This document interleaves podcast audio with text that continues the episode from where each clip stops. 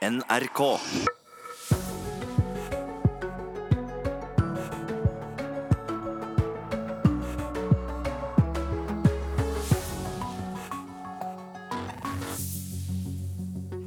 Onsdag 11. juli. I Nyhetsmorgen skal du få følgende saker å høre på. Ikke slakt dyra nå. Ekspertene oppfordrer fortvilte bønder til å holde ut litt til. Ordkrig mellom Trump og de europeiske allierte om forsvarsbudsjett før Nato-møtet som starter i dag. Og vi skal også snakke om at det er stor jubel i Frankrike etter at de spilte seg til finaleplass i VM i fotball i går. Ja, Disse sakene og enda litt til, det hører du denne morgenen. Jeg heter Silje Katrine Bjarkøy. Tine ber nå fortvilte melkebønder om ikke å sende flere kyr enn nødvendig til slakteriet. Tørken i Sør-Norge gjør at mange bønder ikke vet hvordan de skal skaffe nok fôr til vinteren, og tenker på å slakte dyra. Ikke gjør det, sier konserndirektør Jonny Ødegård i Tine.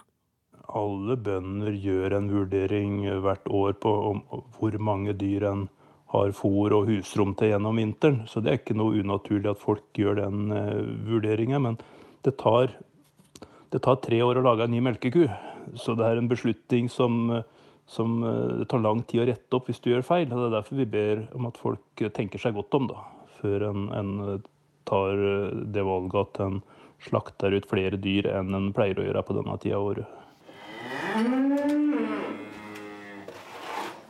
Også når de står på båsen til vinteren, skal Dagros, Lita God og Stjerna ha mat. Men vinterfôr til kyr, og også til sauer, ligger an til å bli mangelvare i Sør-Norge, etter det som til nå er den verste tørkesommeren siden 1947.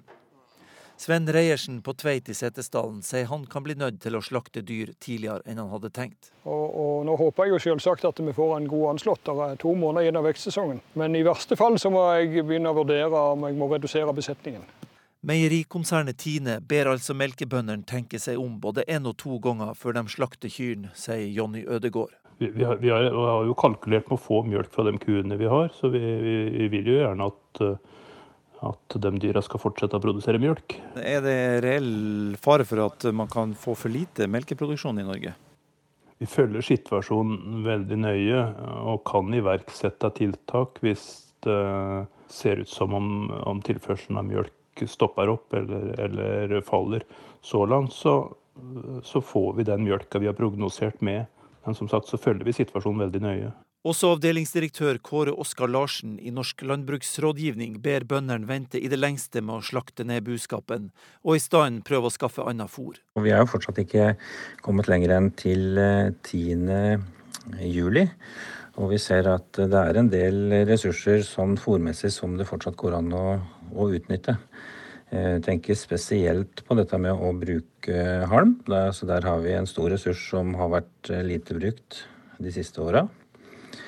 Og så er det nå noen som har fokus på å høste dårlig kornåker, eh, som uansett ikke vil gi noen kornavling, men som, som kan være en bra ressurs til, eh, til fôr. Du tar da og slår kornet og høster det fôret som er i det, i, i rundballer, sånn at du får fôr av det. Og så sår du på nytt igjen, sånn at du kan få ei kombinert korn- og gressavling seinere på høsten. Det er bønder på Østlandet og Sørlandet som er hardest ramma av tørken, sjøl om det har regna lite også på Vestlandet i sommer. En kan i hvert fall konstatere at det er i år som dette her at vi har nytta å ha landbruk i hele landet. For mens det nå er veldig krevende både på Østlandet og, og deler av Vestlandet og, og Midt-Norge, så er det stort sett mye bedre vilkår i Nord-Norge. Reporter her var Kjartan Røslett.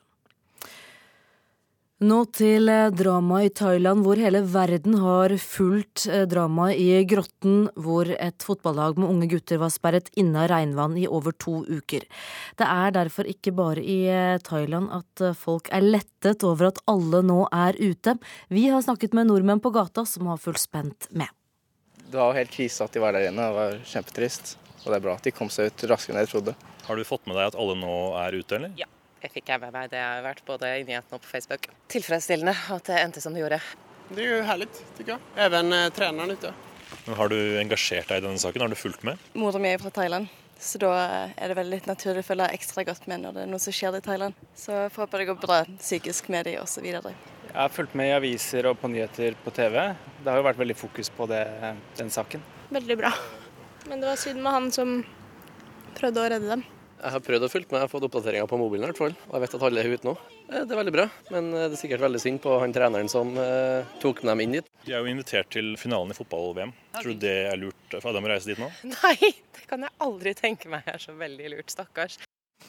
Det var vår reporter Andreas Hagen Haakonsen som har vært på gata og snakket med eh, folk der. Utenriksreporter Roger Severin Bruland, du er i Thailand og har nærmest fulgt guttene ut av grotten. Hva, hva skjer med dem nå? Ja, Nå er de på sykehus i provinshovedstaden Changarai. Der er de satt i sju dagers karantene, for en frykter at de kan ha blitt smitta av eh, ulike mikrober som lever lever inni disse her eh, hulrommene inni fjellet. Men situasjonen skal være stabil og bra. De, de, springer rundt, blir det rapportert. Og de får helse på sine pårørende gjennom vinduet. Så da får de i det minste se dem, og så går det sikkert en ukes tid før en får, får klemme hverandre. Ja, guttene har vært innesperret i denne grotten i 17 dager siden 23.6. Hvordan har de overlevd? Ja, det har jo vært et mirakel, og det kommer jo fram nye opplysninger som viser hvor krevende situasjonen for dem har vært. Det, og det viser seg jo at, at hver gang det har regna, så har jo vannstanden inne i grotta steget. Og da har det blitt mindre oksygen. Og det har til tider vært faretruende lav oksygentilførsel der inne. Og, og dykkerne har ikke klart å fått inn nok oksygen, for det vært så smalt. Og, og de prøvde med en slange, men det gikk ikke. Så, så det er jo de som har holdt på utafor og prøver å hindre at det siger inn vann, som nok har, har bidratt i veldig sterk grad til at de har overlevd så lenge, og at de har gjort det mulig å drenere vekk vann, slik at dykkerne kunne ha gjort jobben sin. Her hjemme er jo dette en sak som mange har fulgt med på, som vi hørte. mange har engasjert seg i hvordan det går med guttene og treneren deres, hvordan de har det. Hvordan er det i Thailand? Ja, det er kjempestor interesse, og det, jo, det har jo blitt, vært et sånn nasjonalt løft der hele landet har jo vært bidratt. Jeg var jo med noen frivillige i, i, i går og, og snakka med dem. og De hadde jo, kom jo her, de hadde jo bare penger til en bussbillett. Så når de skulle feire i går, så hadde de jo ikke råd til å kjøpe seg en øl engang. Men likevel så kom de fra Sør-Thailand og ville hjelpe. og De har sprunget opp og ned disse her vanvittig bratte bakkene. Du aner ikke hvor slitsomt det er å, å gå opp i naturen her. for det ja, vi kan tenke oss sånn vestlandsnatur, bortsett fra at det er såpeglatt pga. gjørma. Du får ikke inn maskiner, så alt slanger og utstyr og sånn, og, og pumper og sånt du trenger, har, liksom, har blitt båret inn med handemakt veldig mange plasser. Så det har jo vært en enorm innsats, og Thailand har jo gitt alt for å få disse gutta ut. Og nå er det jo selvfølgelig det alle snakker om her, og, men ikke bare i Thailand, men også i hele verden. Takk skal du ha, Roger Severine Bruland i Thailand.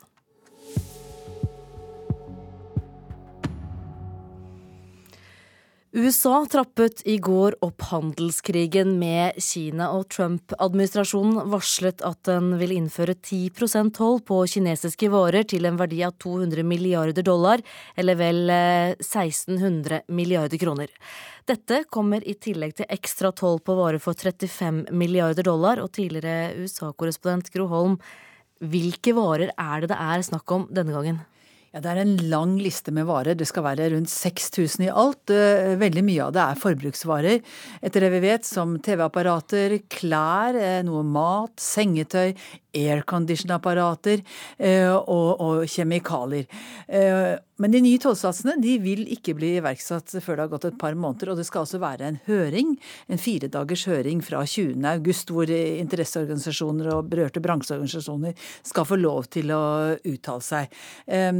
USAs, eller president Trumps handelsrepresentant Robert Lighthizer sa for øvrig at målet er 40% toll på varer fra Kina. Men hva er hensikten med, med enda mer toll overfor Kina? Ja, For president Trump selv så handler dette tilsynelatende bare om ett tall. Eh, og det er forskjellen på verdien av det eh, USA importerer fra Kina, og det USA eksporterer til Kina.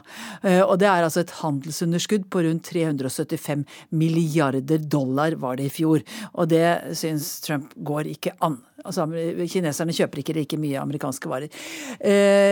Handelsrepresentant Robert Lighthizer han legger nok litt mer vekt på at hensikten er å tvinge Kina til å stoppe å stjele amerikansk teknologi, eller intellektuell eiendom, som de sier, og gi opp kravet om at amerikanske selskaper skal gi Kina adgang til bedriftshemmeligheter eh, som eh, gjenytelse for å slippe amerikanske selskaper til på det amerikanske markedet.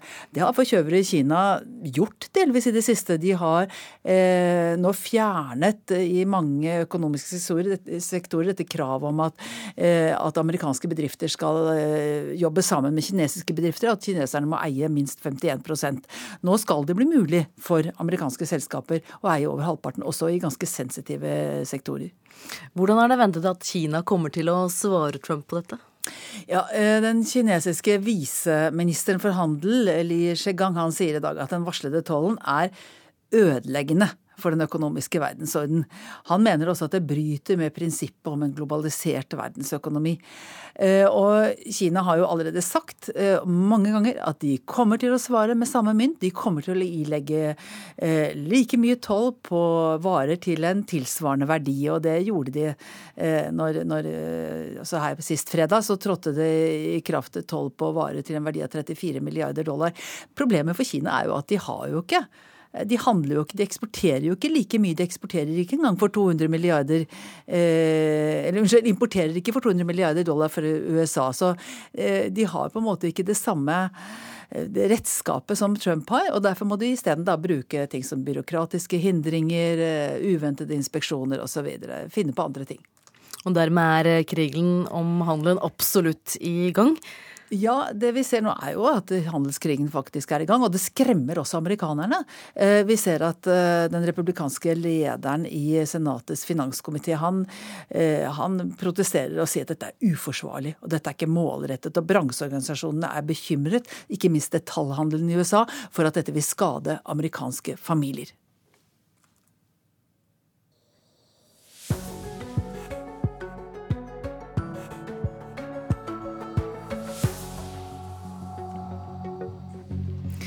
Klokka har akkurat passert 7.15. Eh, du hører på Nyhetsmorgen, og dette er hovedsakene våre i dag.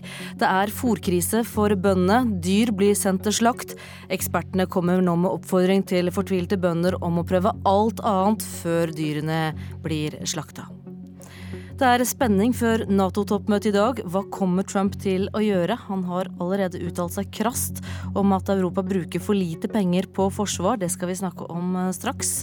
Og eh, VM i fotball, én av finalistene er klare. Frankrike, det skal du også få høre mer om i Nyhetsmorgen.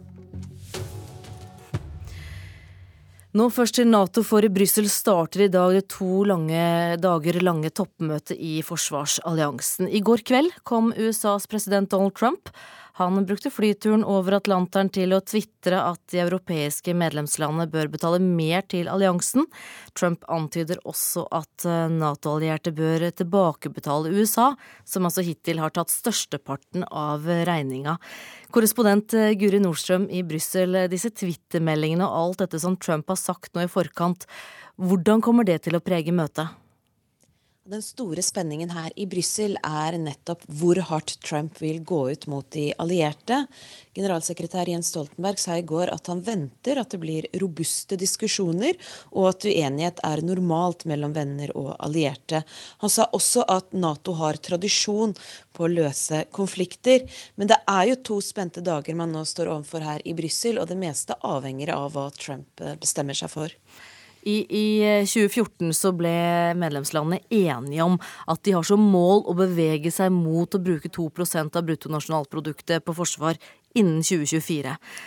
Har Trump, Trump eh, litt grunn til å være irritert på de andre landene?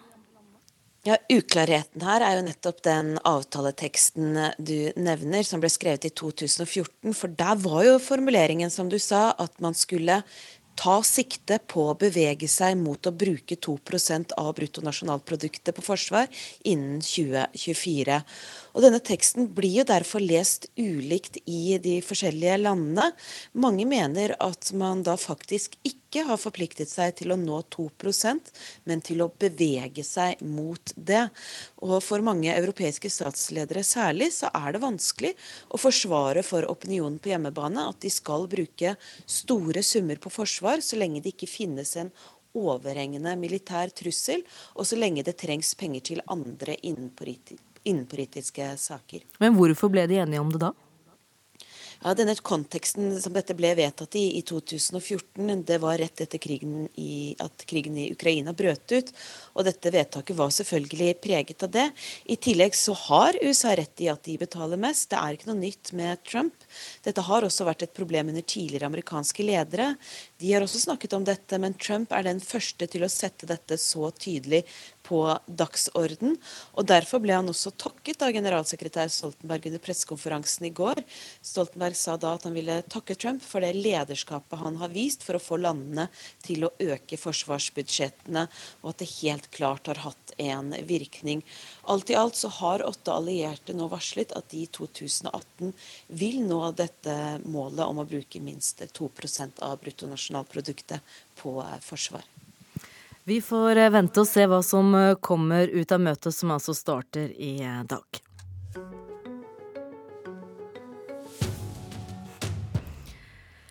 Frankrike er klar for finalen i fotball-VM etter at de i går slo Belgia 1-0 i den første semifinalen. Og dermed kan franskmennene ta sin første verdensmesterskapstittel på 20 år kommer det et hjørnespark for de blå nå innover i feltet. Der! Og nikkes i mål! Og Frankrike leder 1-0!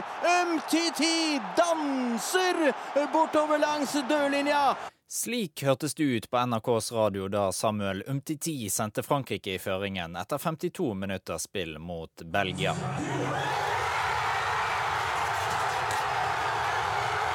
Og slik hørtes det ut i Paris. Av sikkerhetsmessige årsaker har det ikke vært noen form for offentlig visning av Frankrikes VM-kamper i hovedstaden. Men under semifinalen mot Belgia samlet 20 000 tilskuere og 1200 politikonstabler seg foran borgermesterens kontor. Det er slutt!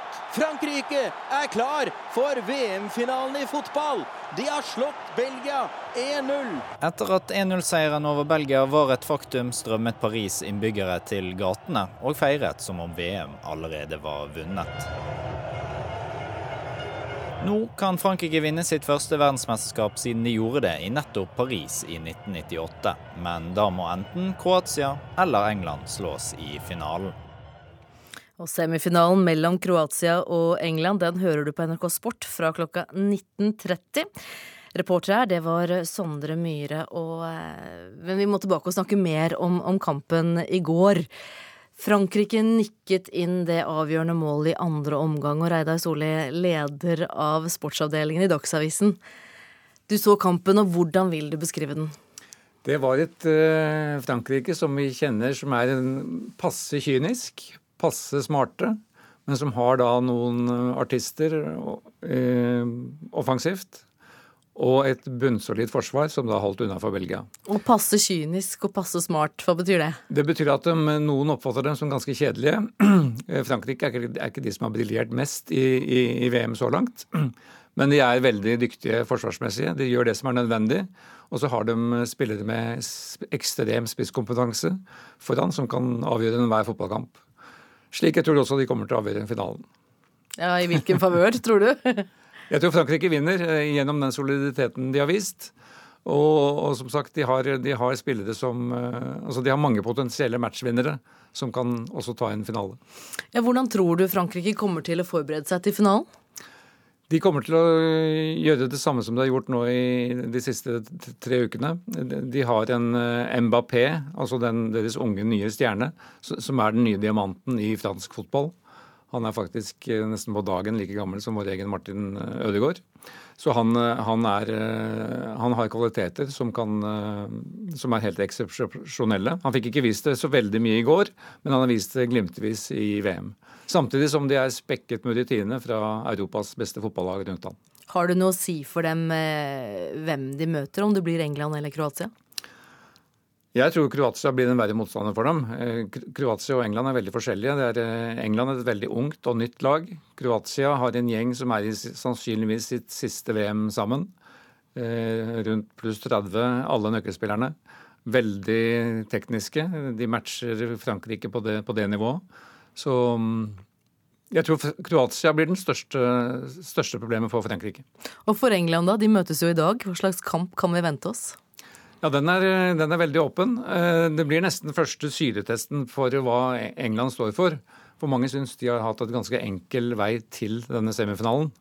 Eh, de hadde en enkel gruppe.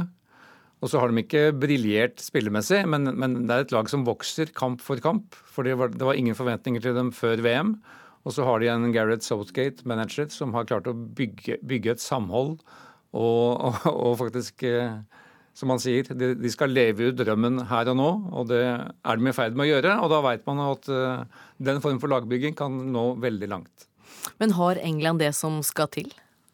Ja, de har også enkeltspillere som kan, som kan avgjøre en kamp, slik kamp som dette her. Harry Kane er toppskårer for England med sine seks mål. Veldig smart som noen har benevnt han som verdens eldste 24-åring. Eh, England har et veldig ungt lag med, med, med, spillere som ikke har opplevd dette her før. Og, og de har spisskompetanse som kan også avgjøre en eh, både semifinale og finale. Ja, Så Begge lag har sjanse i kveld, altså? Det er klart. altså alle, alle, lag som kommer til en semifinale i et VM, det er, det er en grunn til at de er der. Takk skal du ha. vi får uh, følge med på kampen i kveld, og ikke minst på søndag, og se hvem som skal møte Frankrike til VM-finale. Takk skal du ha, Reidar Solli, leder av sportsavdelingen i Dagsavisen. Da er tiden kommet for at vi skal se litt nærmere på hva som skjedde mens du sov.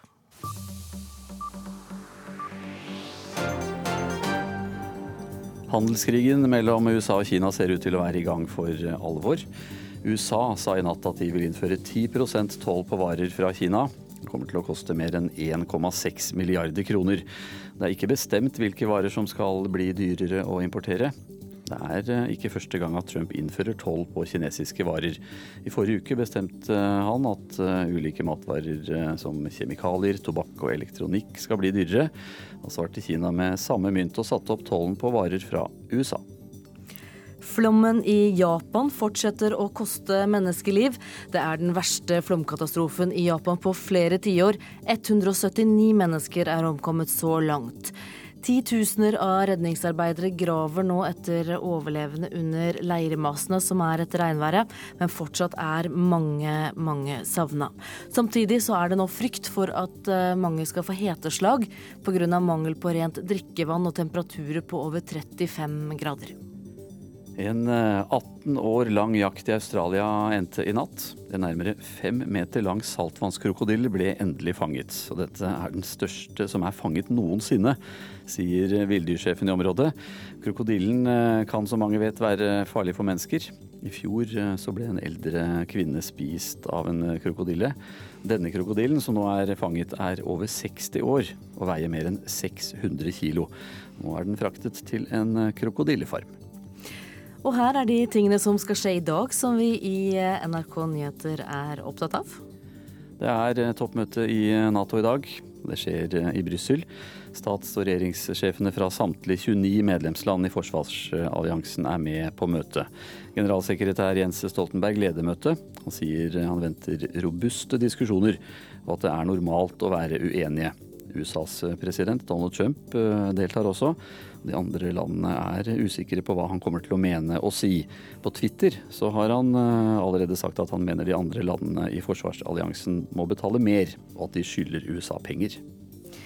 Det er også den andre semifinalen i fotball-VM i dag. Klokka 20 i kveld møter England Kroatia i England. Der herjer VM-feberen for alvor blant alle dem som elsker Three Lions, de som synger 'Football's Coming Home'. Sist gang England ble verdensmestere var i 1966. Motstanderne i kveld det er Kroatia. De har gått ubeseira gjennom gruppespillet og har vært gjennom to straffekonker for å nå semifinalen. Og de er med andre ord et ganske vanskelig lag å slå. Uansett, laget som går videre, de møter Frankrike i VM-finalen på søndag kveld. 30 millioner tonn fisk, en tredel av all fisken som fanges hvert år, havner aldri på matfatet, men blir kastet. Det viser en ny FN-rapport. Rundt en firedel av det som blir kasta, skyldes at fisken er for liten eller av feil art. Resten av svinnet skyldes at fisken blir dårlig før den når forbrukeren, f.eks. For at den råtner fordi det mangler kjøleanlegg. Lord Carrington, den siste gjenlevende statsråden fra Winston Churchills etterkrigsregjering, og som var generalsekretær i Nato, er død. 99 år gammel. I løpet av sin livslange karriere så tjenestegjorde Carrington under to monarker og seks statsministre. Og han var også den eldste og lengstsittende medlemmet i Overhuset. Pressen i hovedstaden er på bærtur når de skal dekke politikk utenfor Oslo. Det mener fylkesordfører i Trøndelag Tore O. Sandvik. Han er gjest i dagens Politiske sommerkvarter. Her er en smakebit. Det er spenninger i alle politiske partier, men å kalle det for en borgerkrig, at man kan ha ulike oppfatninger politiske, på politiske saker, og at eh, noen ikke alltid er fornøyd med utkommet av eh, interne prosesser, det er å dra det altfor langt. Og det er også ett år for seint. Og sånn er det jo når det sitter eh, sjølopptatte journalister i avishusene i Oslo og ser rundt omkring på landet med kikkert. Da blir det usedvanlig lite treffsikkert. Det får du høre mer om etter Dagsnytt klokka 7.45 ca.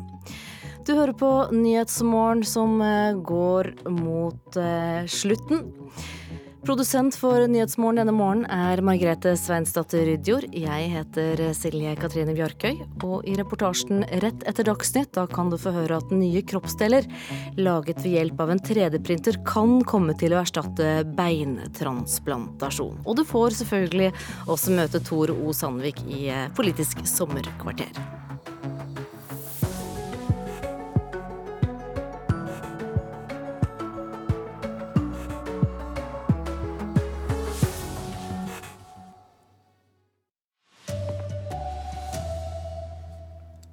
Er fòrkrise for bøndene, men ikke slakt dyra, oppfordrer eksperter. Tøff tvitring fra Trump før Nato-toppmøtet. Gjenta krav om at Europa må bruke mer penger på forsvar.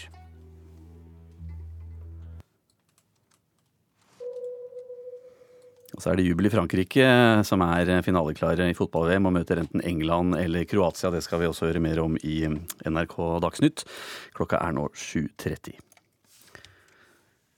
Tine ber fortvilte melkebønder om ikke å sende flere kyr enn nødvendig til slakteriet. Tørken i Sør-Norge gjør at mange bønder ikke vet hvordan de skal skaffe fôr nok til vinteren, og tenker på å slakte dyra. Ikke gjør det, sier konserndirektør Jonny Ødegård i Tine. Det tar tre år å lage en ny melkeku, så det er en beslutning som, som det tar lang tid å rette opp hvis du gjør feil. Det er derfor vi ber om at folk tenker seg godt om da, før en, en tar det valget at en slakter ut flere dyr enn en pleier å gjøre på denne tida av året. Også når en står på båsen til vinteren, skal dagros, lita god og stjerna ha mat. Men vinterfôr til kyr, og også til sauer, ligger an til å bli mangelvare i Sør-Norge, etter det som til nå er den verste tørkesommeren siden 1947. Sven Reiersen på Tveit i Setesdalen sier han kan bli nødt til å slakte dyr tidligere enn han hadde tenkt. Og, og Nå håper jeg jo selvsagt at vi får en god anslått. Det er to måneder igjen av vekstsesongen. Men i verste fall så må jeg begynne å vurdere om jeg må redusere besetningen. Meierikonsernet Tine ber altså melkebøndene tenke seg om både én og to ganger før de slakter kyrne, sier Jonny Ødegård. Vi, vi, har, vi, har, vi, har, jo kalkulert med å få mjølk fra de kuene vi har, så vi, vil jo gjerne at uh, at de dyra skal fortsette å produsere mjølk. Også avdelingsdirektør Kåre Oskar Larsen i Norsk landbruksrådgivning ber bøndene vente i det lengste med å slakte ned buskapen, og i stedet prøve å skaffe annet fôr. Jeg tenker spesielt på dette med å bruke halm. Der, der har vi en stor ressurs som har vært eh, lite brukt de siste åra. Og så er det nå noen som har fokus på å høste dårlig kornåker, eh, som uansett ikke vil gi noen kornavling, men som, som kan være en bra ressurs til, eh, til fôr. Reporter her, Kjartan Røslett. I Brussel eh, starter i dag det to dager lange toppmøtet i forsvarsalliansen Nato. I går kveld kom USAs president Donald Trump. Han brukte flyturen over Atlanteren til å tvitre at de europeiske medlemslandene bør betale mer til alliansen. Trump eh, antyder også at Nato-allierte bør tilbakebetale USA, som hittil har tatt størsteparten av regninga. Korrespondent eh, Guri Nordstrøm, eh, du er på plass i Brussel. Disse twittermeldingene og alt dette Trump har sagt i forkant, hvordan kommer det til å prege møtet? Den store spenningen her i Brussel er nettopp hvor hardt Trump vil gå ut mot de allierte. Generalsekretær Jens Stoltenberg sa i går at han venter robuste diskusjoner, men at Nato har tradisjon for å løse konflikter. Og Da kom det også frem at åtte allierte har varslet at de i løpet av året vil nå Natos mål om å bruke minst 2% av bruttonasjonalproduktet sitt på forsvar, så gjenstår det å se om amerikanerne er fornøyd med det i denne omgang. Ja, for det er jo egentlig sånn at eh, de allerede i 2014 ble enige om at de har som mål å bevege seg mot å bruke 2% av bruttonasjonalproduktet på forsvar eh, innen 2024. da. Og har Trump faktisk rett til å være irritert på de andre landene?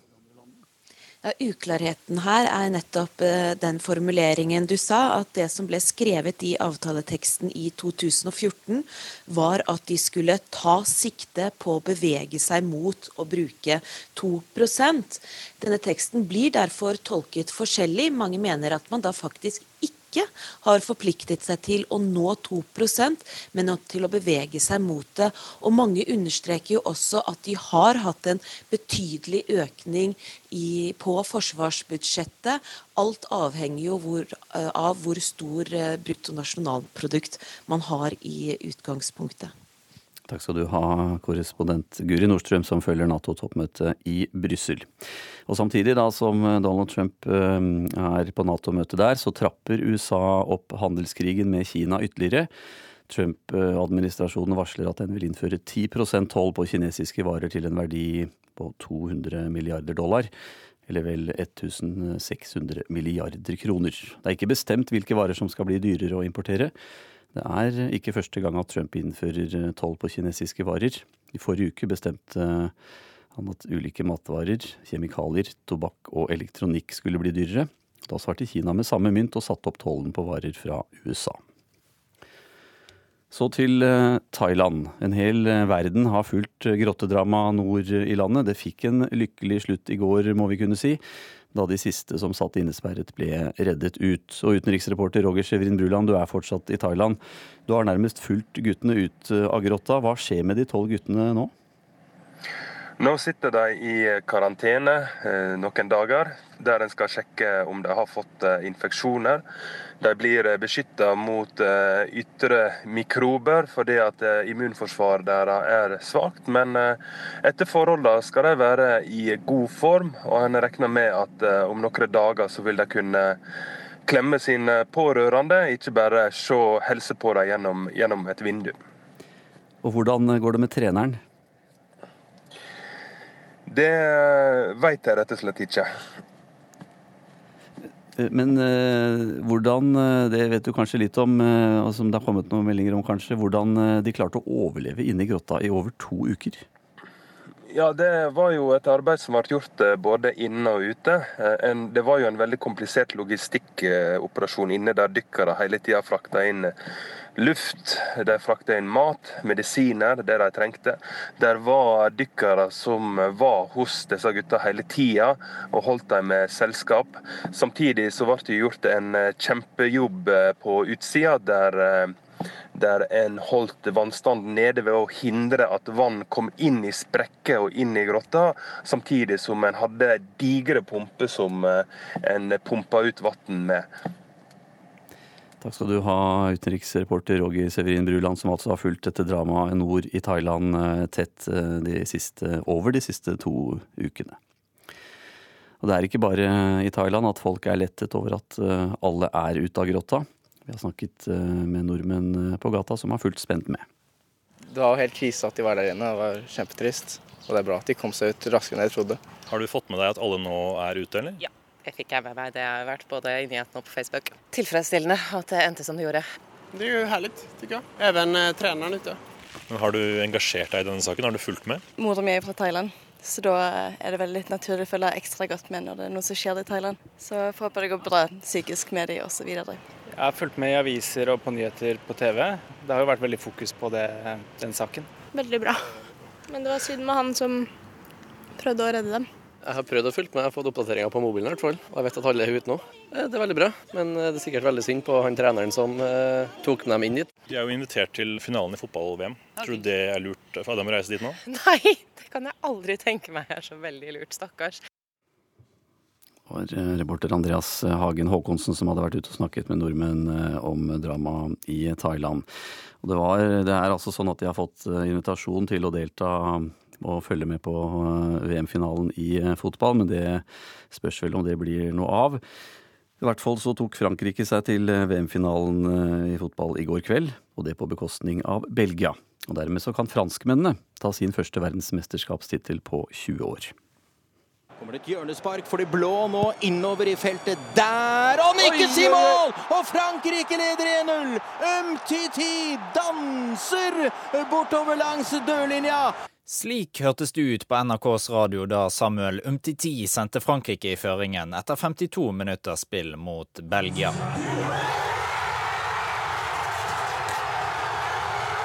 Og slik hørtes det ut i Paris. Av sikkerhetsmessige årsaker har det ikke vært noen form for offentlig visning av Frankrikes VM-kamper i hovedstaden. Men under semifinalen mot Belgia samlet 20 000 tilskuere og 1200 politikonstabler seg foran borgermesterens kontor. Det er slutt! Frankrike er klar for VM-finalen i fotball. De har slått Belgia 1-0. Etter at 1-0-seieren over Belgia var et faktum, strømmet Paris innbyggere til gatene og feiret som om VM allerede var vunnet. Nå kan Frankrike vinne sitt første verdensmesterskap siden de gjorde det i nettopp Paris i 1998. Men da må enten Kroatia eller England slås i finalen. Og Semifinalen mellom Kroatia og England den eh, kan du høre på NRK Sport fra klokka 19.30 i kveld. Reporter her, Sondre Myhre. Så hørte du også kommentator eh, Olav Trån. Marianne Løkkevik Ekeberg har ansvaret for NRK Dagsnytt i dag. Jeg heter Anders Borgen Werring.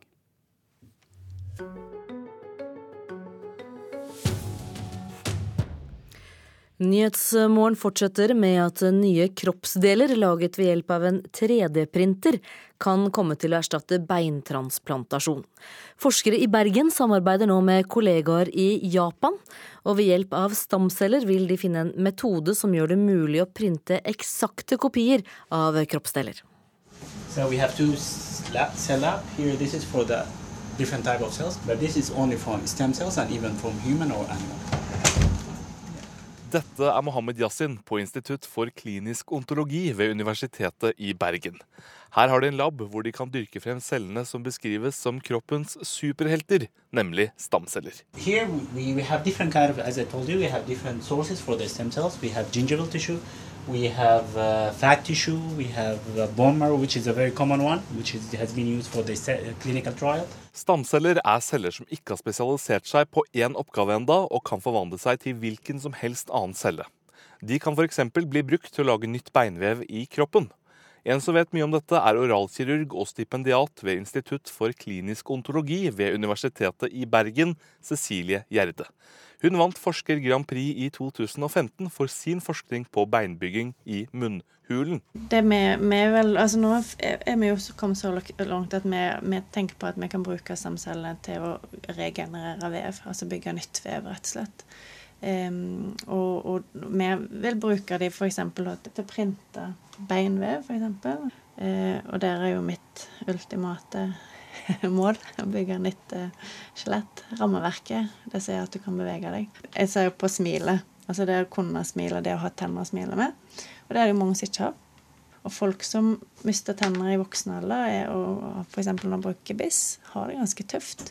De er veldig lite sosiale. Det er treffe pasienter som sier de går ut en gang i året, for da treffer de andre med gebiss. Det å sitte ute og spise en biff med plastikktenner, det er ikke noe særlig.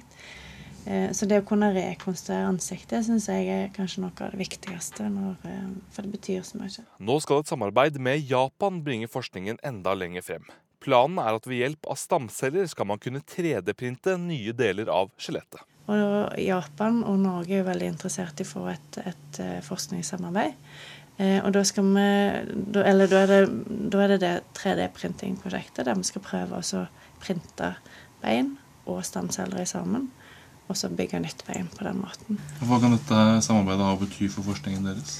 Jeg tror det vil bety veldig mye. For da kan vi komme mye nærmere målet veldig mye fortere. Da. Så jeg, jeg håper jo at i løpet av en femårsperiode at vi får til å printe stamceller, og, og at vi har et materiale vi kanskje kan tilby på markedet. Eh, og det kan jo bety enormt mye for Universitetet i Bergen. Selv om Cecilie tror fremtiden for 3D-printing av beinvev er lys, sier hun det er viktig å bruke god tid og ikke forhaste seg med forskningen. Så vi tar det veldig stegvis, og det, det tror jeg nok er det som er, er løsninga. At en ikke liksom Hei, nå skal jeg printe en hel fot og tjo hei. Men gå steg og gjøre det skikkelig. Men tror du det vil være mulig i framtiden? Ja, det tror jeg. Men, men, at det er lang, lang, lang vei, ja, det er det. Det er ikke sånn at Jeg tror ikke jeg kommer til å sitte og gjøre det i min arbeidstid. for det er sånn. Men at jeg kan jeg, Jeg tror nok jeg skal kunne få lov å være med på å printe en, en kjeve og sette den inn. Det, det har jeg stor håp på. Og det, bare det vil jo være et fantastisk fremsteg. Det sa oralkirurg og stipendiat ved Institutt for klinisk odontologi ved Universitetet i Bergen, Cecilie Gjerde. Reporter her, det var Markus Vangen. Vi er eh, godt ut i Nyhetsmorgen, og vi går inn mot Politisk sommerkvarter nå. Men eh, la meg nå bare minne om eh, toppsakene våre i dag. Det er fòrkrise for bøndene. Ikke slakt dyra, oppfordrer eksperter. Tøff tvitring fra Trump før Nato-toppmøtet. Han gjentar krav om at Europa må bruke mer penger på forsvar. USA trappet også i går opp handelskrigen med Kina. Trump-administrasjonen varslet at den vil innføre 10% toll på kinesiske varer, til en verdi av vel 1600 milliarder kroner. Og det er jubel i Frankrike. De er finaleklare i fotball-VM og møter enten England eller Kroatia i finalen på søndag. Hvem det blir, det blir avklart i kveld. Nå er det tid for eh, Politisk sommerkvarter, og dagens gjest var sentral i samlingen av Trøndelag til ett fylke fra nyttår i år. Vi møter nå fylkesordfører i Trøndelag, Tore O. Sandvik, på Midt-Norges største fotballturnering for barn i Trondheim.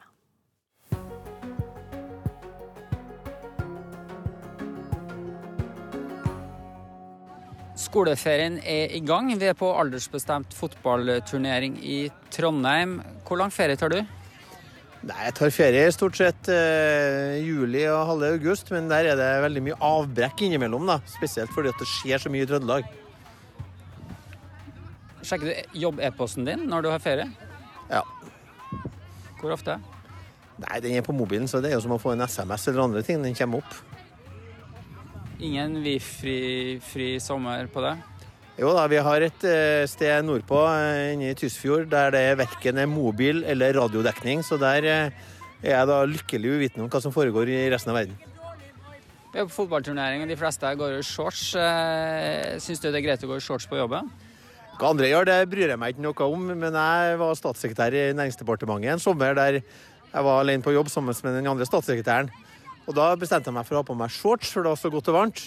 Men akkurat den dagen hadde Røkke bestemt seg for å kjøpe kverner, så da kom jo hele det norske pressekorpset på døra samtidig. Og siden da så har jeg funnet ut at det er lurt å ha på seg eh, lange benklær på jobb. da. Tore Sandvik, du er jo den første fylkesordføreren i et samla Trøndelag. Hvilken makt har du? Jeg har jo eh, innflytelse til å sette dagsorden, og så har jeg jo eh, muligheten til å være med i politiske prosesser. Eh, kanskje i flere politiske prosesser enn andre, prosesser enn andre i det som fylkeskommunen rår over, og ikke minst også i de partnerskapene vi har innflytelse. Eh, men jeg fatter jo ingen beslutninger alene. Eller jeg kan fatte noen beslutninger alene, men de er så små at det neppe kommer inn under maktbegrepet. Hva bruker du makta di til? Nei, Jeg jo, bruker jo makta mi, og det er jo viktig for en politiker, til å påvirke samfunnet i den retninga som eh, Arbeiderpartiet og våre samarbeidspartnere har blitt enige om. Eh, og da dreier det seg først og fremst her eh, i Trøndelag om ting som dreier seg om videregående skole, om veiutbygging, om kollektivtrafikk og hvilken samfunnsutvikling vi ønsker. Men selv om det er fokus på de sakene vi er uenige om mellom partiene, så er det jo fryktelig mange saker der vi er enige. Og da bruker jeg for så vidt det som er makta mi, i forsøk på å få enighet om saker eh, som, som forener oss i Trøndelag. Og Trøndelag ble jo ett fra nyttår. Eh, Hvordan er du fornøyd så langt? Jeg er veldig fornøyd. Det er stor og god stemning. Eh, Vi har jo lengta etter hverandre i 200 år. Eh, Det var jo en sinnssyk dansk konge som delte oss i 1804, Kristian 7. Eh, Og vi har da tatt ansvar sjøl for å samle oss i ettertid. Det var en krevende prosess, eh, men jeg føler at eh, vi nå er enige om at det var riktig, og de som var motstandere, de har slutta rekkene og har vært konstruktive bidragsytere til at vi skulle lykkes med prosessene i ettertid. Og så var det jo landets yngste fylkesordfører da du ble valgt i gamle Sør-Trøndelag i 2003, og så ble du sammenslått nå fra nyttår, ja. Eh, Det kanskje mange i resten av landet lurer på, er hvordan fikk dere til det? hvordan vi fikk til oss å samle Trøndelag.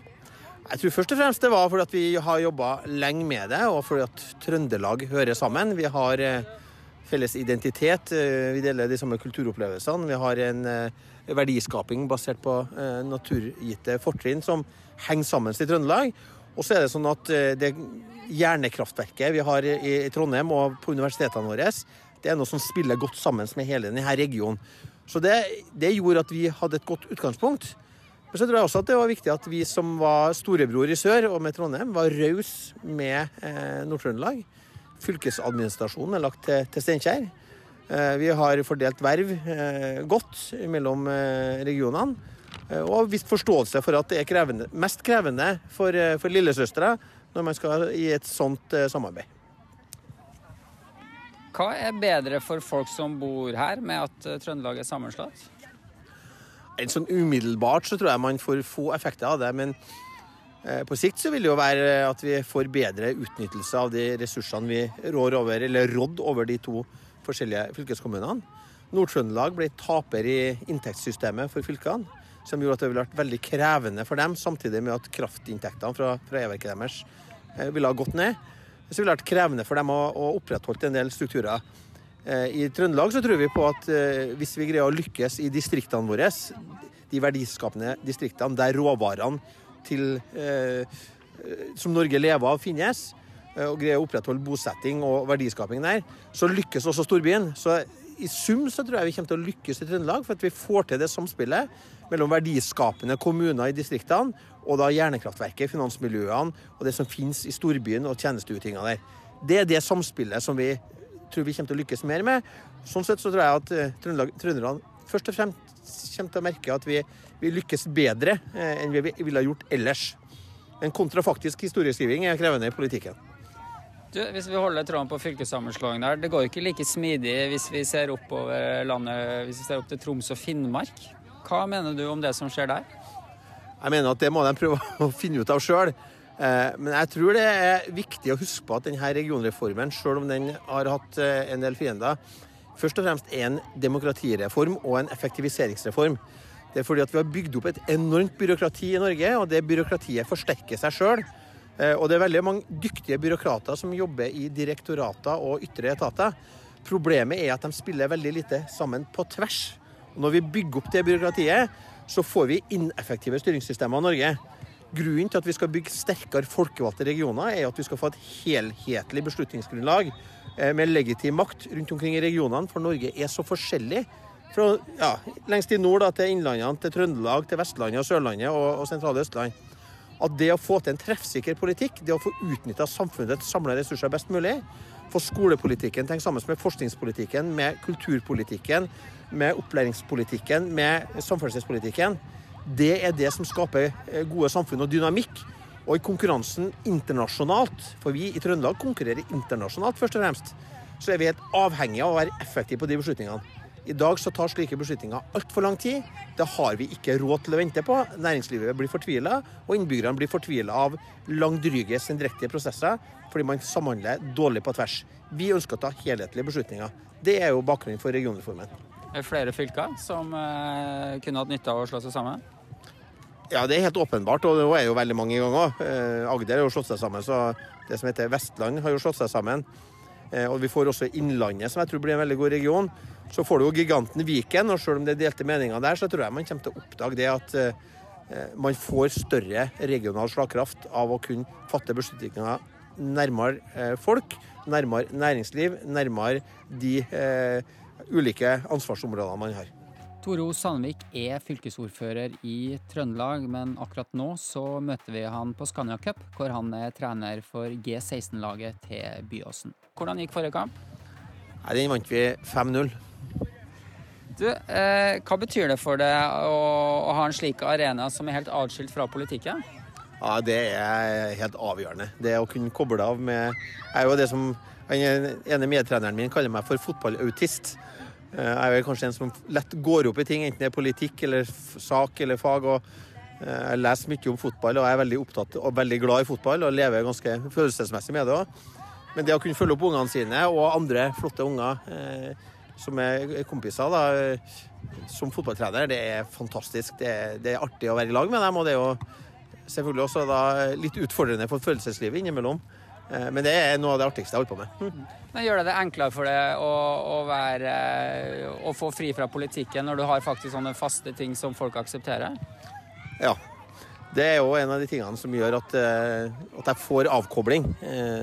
Eh, det at jeg kan være med de guttene her på trening tre ganger i uka, selv om jeg ikke får med meg alle treningene, så vi har en annen hovedtrener. Og en kamp i uka, å være sammen med dere 40-50 flotte 16-åringene Eh, det gjør at jeg får det avbrekket, og det er noe jeg må på. Eh, og det tror jeg også er nødvendig for å få klargjort eh, hodet. Og Vi som følger deg på Facebook, vi vet jo at du har et inderlig forhold til spansk fotball. Hvorfor akkurat det? Er fordi at Barcelona spiller kunstfotball. og fordi at jeg tror Jordi Cruyff er den som virkelig har sett at fotball er et spill som dreier seg om rom og geometri. Eh, og det, også, det, har vi vært veldig opptatt av, eh, også på det laget som jeg trener. og Opp gjennom tida, det er at vi skal også trene det som er inni hodet på, på, spillerne. Eh, vi skal trene kameratskap, fellesskap, det å ta ansvar for hverandre, men også det å forstå eh, tid og rom, som er helt avgjørende i fotball. og Der er det Barcelona som er det beste laget i verden. og Derfor er jeg også veldig fascinert av Barcelona, i tillegg til at det katalanske har en viss gjenklang da, for oss som er interessert i politikk og spansk borgerkrigshistorie. Vi må snakke litt om Arbeiderpartiet også. VG spanderte jo hele forsida og klinka til med vel borgerkrigslignende tilstander i Trøndelag Ap for en liten stund siden. Hvordan er situasjonen i Arbeiderpartiet nå? Det er spenninger i alle politiske partier, men å kalle det for en borgerkrig, at man kan ha ulike oppfatninger politiske, på politiske saker, og at eh, noen ikke alltid er fornøyd med utkommet av eh, interne prosesser, det er å dra det altfor langt. Og det er også ett år for sent. Og sånn er det jo når det sitter sjølopptatte journalister i avishusene i Oslo og ser rundt omkring på landet med kikkert, da blir det usedvanlig lite treffsikkert. Eh, det som har vært av utfordringer i Trøndelag Arbeiderparti gjennom året, har jo vært rikelig dekt i lokal og regional eh, presse eh, i Trøndelag. Så det er på en måte en sånn på nytt igjen noen som tar opp noe. Jeg har reist rundt i Trøndelag de siste to ukene, både i nord og sør. Og innenfor Arbeiderpartiet er det god stemning. Det er fokus på politikk. Vi kriger ikke med hverandre, vi kriger med Høyre. Eh, og eh, i helga, altså forrige helg, så var vi samla, alle vi som tydeligvis skulle være i borgerkrig, på Steinkjerfestivalen. Eh, hjemme hos en av dem da, som tydeligvis skulle være i borgerkrig med oss, og hadde det veldig hyggelig i lag. Så det er ingen som er i krig med hverandre. Det, var, det ble ikke spilt en blodsdråpe de siste 14 dagene når jeg har vært på tur i Trøndelag. Dere i Trøndelag Arbeiderparti, da, hvilken retning vil dere at Arbeiderpartiet sentralt skal gå? Det skal vi påvirke gjennom de kanalene vi har, og vi må også akseptere at vi ikke får gjennomslag for alt. Men som det største fylkespartiet så føler vi at vi har et ansvar for, for å bidra eh, til det vi eh, mener er riktig. Og jeg tror Arbeiderpartiet må bli mer nært folk. Altså Vi må ta utgangspunkt i, i folks eh, hverdag der de er, og klare å kommunisere det. Og jeg tror folk blir veldig fremmedgjort av det herre Eh, ja, det, det, som jeg kaller for en substansløs underholdning, som politikk blir framstilt som i riksmedia. Jeg tror folk får mer og mer avstand til det. De tar det mindre og mindre seriøst. Og da blir det sånn at politikken blir et spill i stedet for å dreie seg om hverdagen til folk og, og realitetene. Og da tror jeg Arbeiderpartiet må bidra til at vi holder fokus på det som er hverdagen til folk. hvordan lager vi en bedre hverdag for folk? Hvordan sikrer vi at de eh, har trygghet eh, for det samfunnet de vokser opp i, og at vi utvikler Norge videre? At vi ikke blir stående på, på, eh, på stedet hvil. Vi sitter ved ei fotballbane midt i Norge. Sett herfra, hva er den viktigste utfordringa for landet vårt framover? Så Det er så forskjellig, og det er forskjellig i landet. I Trøndelag så er utfordringa vår sånn at vi mangler arbeidskraft innenfor mange sektorer. Eh, det er en utfordring for oss at innenfor de mest verdiskapende næringene som ligger i distriktene, så må vi greie å opprettholde bosetting, eller i hvert fall sikre at det kommer nye folk dit. For hvis vi ikke får til det, så greier vi ikke å utnytte eh, havbruket, reiselivet, olje og gassen, skogen, som er viktig her, og jordbruket. Får vi ikke til å opprettholde produksjonen innenfor de næringene og få påfyll av kompetanse, for vi er et høykostland. Vi må koble teknologi og kunnskap med den erfaringa som finnes innen de råvarebaserte næringene. Får ikke vi til å koble det, så vil vi også eh, miste verdiskaping. Vi får ikke utnytta eh, havets muligheter hvis det ikke bor folk langs kysten. Jordbruket hvis det ikke bor folk eh, på bygden, eller reiselivet eh, hvis det ikke bor eh, folk oppe i fjellbygdene våre. Så vi må få, få den bosettinga til å bli. Så for oss er det å opprettholde bosetting og lage levende lokalsamfunn der kultur og idrett spiller en viktig rolle. Å ha noe å leve av for. Kan ikke bare ha noe å leve av. Men for å få noe å leve av, så må vi også ha noen eh, arenaer som gjør at de vil bo der. Så skal vi utvikle storbyen videre, og her er utfordringa å få gjort noe med mobiliteten. Få frakta folk til og fra jobb og skole eh, uten at de blir stående i kø. Så Derfor er samferdselsutfordringa også i byene en stor utfordring. Tore Sandvik, god sommer. God sommer. Ja, Reporteren som møtte Toro Sandvik i eh, Trondheim, det var Gjøte Toftaker, og det var også på Norges, Midt-Norges største fotballturnering for barn i eh, Trondheim. Nå går eh, klokka mot åtte. Anders Borgen Werring er klar med Dagsnytt. Etter det så skal vi snakke mer om Nato-toppmøtet her i Nyhetsmorgen. Vi skal også snakke om hvilke utfordringer den tørreste sommeren i Sør-Norge siden 1947 skaper for bøndene. Mange må slakte dyra fordi de ikke har nok fôr. Bondelaget kommer til oss bl.a. for å snakke om det. Vi skal også til Japan og den største flommen der på flere tiår, som har krevd nærmere 200 menneskeliv. Alt etter klokka 8.03.